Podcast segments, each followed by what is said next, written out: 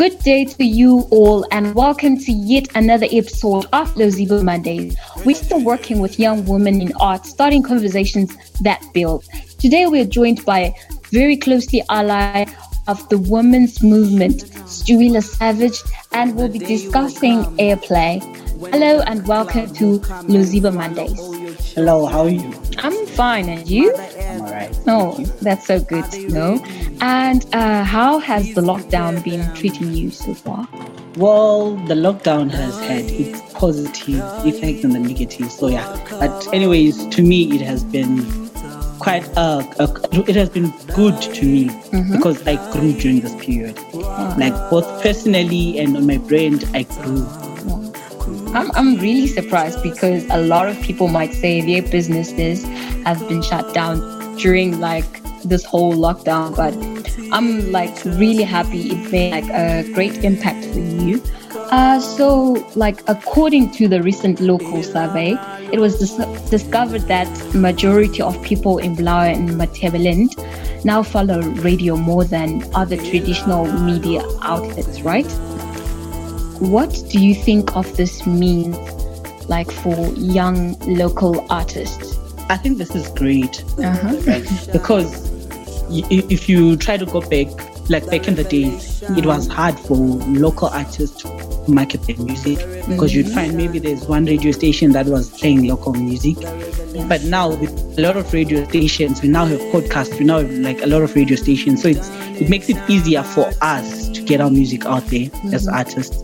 And the other thing, I think it, it pushes the drive towards young people to say, you know what, we should do radio music, radio within music Yeah. which is very good, I think. Okay. That's like very true. Now, I understand you're an Afro tribal musician, poet, dancer. I mean, all the threes. Wow, wow, wow, wow, wow. Uh, you have quite a number of new tracks uh, you have released.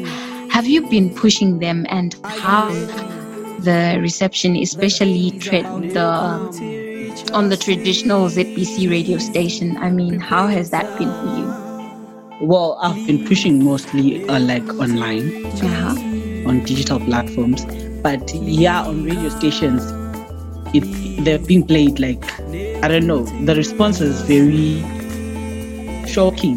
Okay. it was really shocking because I didn't know I can get that much airplay. Yeah, but I've been getting a lot of airplay. Well, both locally and internationally, I've been getting like a good airplay. I've, I got a good response. No, uh, okay. Just for interest's sake, I want to know why do you think you're getting airplay? Is it because of this whole pandemic thing of Corona that most people are now just focused on just knowing, no, like wanting to know what's happening in their country or what? Just for interest's sake.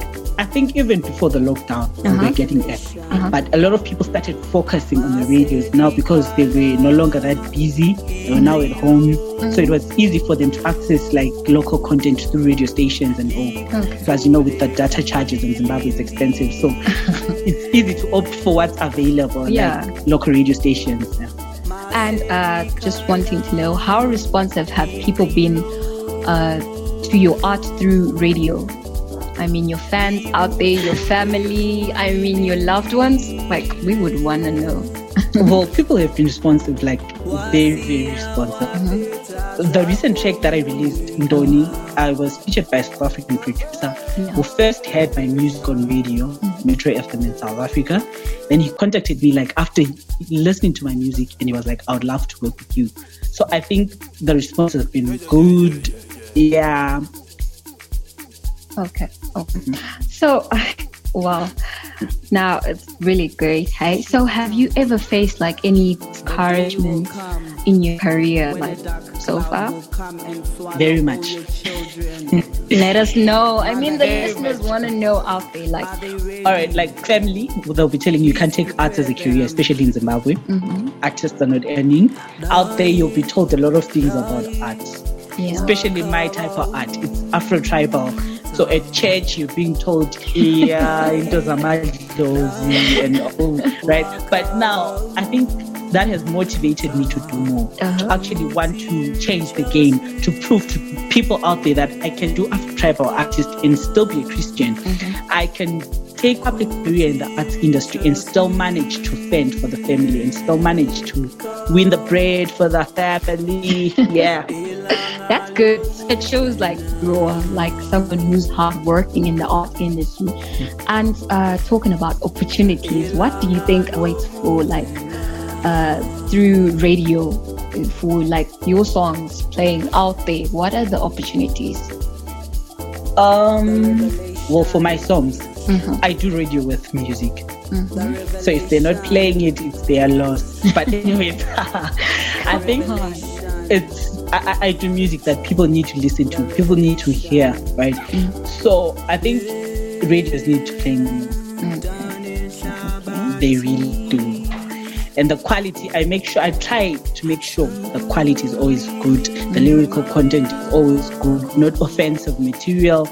So, yeah. Okay. Now, talking about the whole being this, um, getting this whole discouragement, uh, have you been able to handle that? Yes, I'm strong. Okay. I'm thick skin, right? Okay. So I try to take up the advice that they give me, but I try not to allow that advice to pull me down. Mm-hmm. Matter how negative it is, I try by all means to make sure it doesn't pull me down. Uh-huh. Yeah. Okay. And I've told myself people always talk whether you do good or bad but you just have to hold on. You just have to keep walking. Okay, okay, I understand. Now, uh, looking specifically like uh, at women in art, what opportunities do you think awaits them in radio? Like when it comes to females out there. Well, now I think females are more recognizable. Mm-hmm. Females are the most vocal. Okay. Right. Yeah, they get to those spaces whereby, yeah, well, you know, it's a male dominated. Yeah. But women are now more vocal than men. We, women are now more recognizable than men. So I think there are a lot of opportunities out there for women. If only they can take up those opportunities, if only they could take up the challenge to say, you know what, let's face the world, let's face those men and prove to them that we are stronger right? There's a lot waiting for women out there. Well, I hope the listeners heard that. Uh, so let's talk about royalties and making money through radio. What has been your experience so far? Have you got anything like? Okay.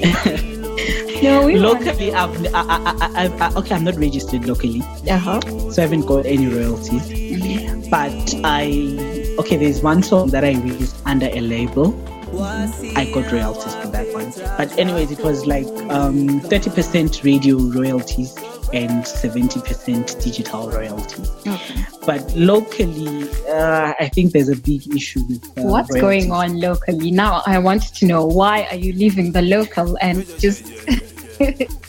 okay, most local radio stations, like if you noticed recently, mm-hmm. they were they're not paying the royalty. Okay. They're not paying dues okay. that they ought. Okay. So that's why it, it, that's a big challenge, right? Mm-hmm. So for artists to say we register and then we don't get, we don't earn anything. Plus, for you to register, you have to pay something. Okay. How, how can you pay for something that you won't benefit from? True. Yeah. Well, I hope for young women in art have heard that about uh, royalties and making money through radio. Uh, so, uh, Stewie, thank you so much for your contributions today.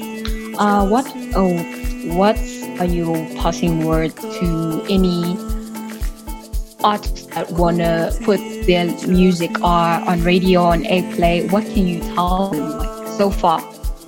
I believe your story is different right? Whatever challenges you might be going through right now, just hold on. Just face the world, prove the world that you're stronger. Just be yourself. Don't try to be someone else. You know, they say there's no better you than the you that you already are. That's the words that I usually tell people out there. But one thing I'd say is you are brave, you are strong, you are the future. Just walk tall you know, just walk tall. Yeah. Wow, wow. And those are strong words coming from Sibila Service. Uh, ladies and gentlemen, it has been a great, uh, but I have to love and leave you. And I will leave you with a poem from Carla Ann. And now, uh, playing on the background was a song by Stewie Savage uh, titled Revelation. Till we meet again uh, next time, I am the one and only Spoiler Tamara, and I'll leave you. Uh, peace and blessings. Thank you so much. The year of the rats. We've been crawling in dungeons meant for rodents, hoping these chains would somehow fall down without a pound of flesh. We pacify their demons as we crawl back to covens confined in spaces where cows would have been in elixir of havoc. We're trampled on, and this is a song we sing, caged birds beckoning to the scripts we're given. We held our heads high in spite of the whips on our backs, futures reduced to sawdust, yet we insist on seeing the road rather than make dust.